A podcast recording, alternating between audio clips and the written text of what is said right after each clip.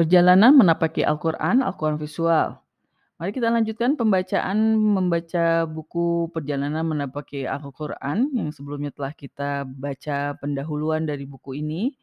Pada kesempatan ini kita akan membaca halaman pertama dari buku ini yang membahas tentang kegagalan mempelajari Al-Quran.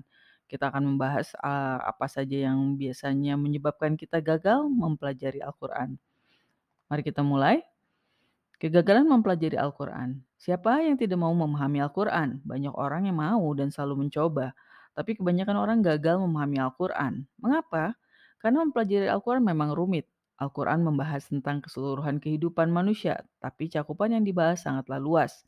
Al-Quran membahas tentang psikologi, sosial, ekonomi, filsafat, asal-muasal kehidupan, dan sebagainya.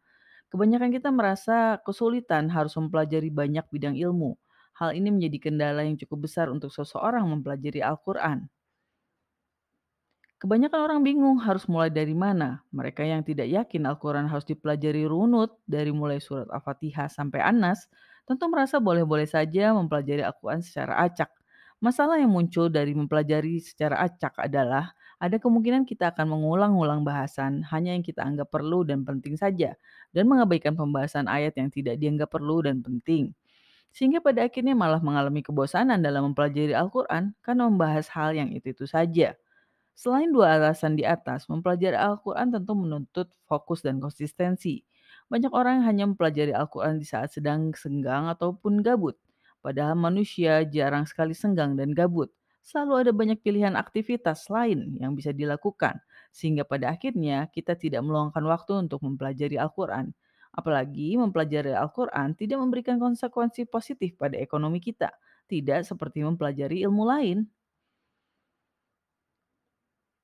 Banyak juga yang pada akhirnya berhenti mempelajari Al-Quran karena merasa Al-Quran tidak memberikan efek secara langsung pada kita yang mempelajarinya.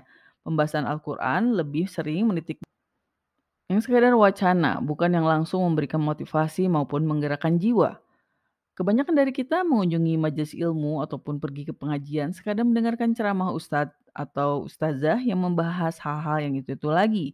Dan kita pun merasa hal itu sudah cukup dianggap sebagai aktivitas pengkajian Al-Quran.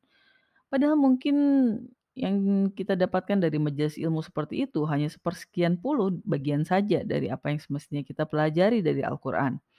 Kita merasa memahami Al-Quran adalah suatu cita-cita yang terlampau sulit untuk dicapai mereka yang serius mencoba memahami Al-Quran akhirnya memilih untuk menghafalkannya saja. Jelas, menghafalkan Al-Quran pun bukan hal yang mudah untuk diraih.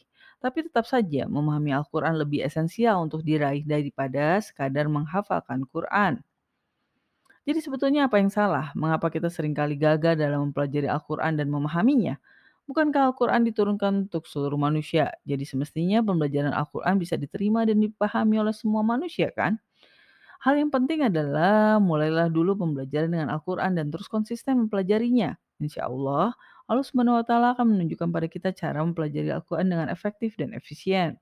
Kegagalan kita selama ini mungkin karena niat dan tekad kita yang belum kuat dan bulat untuk benar-benar memahami Al-Quran. Sesederhana itu.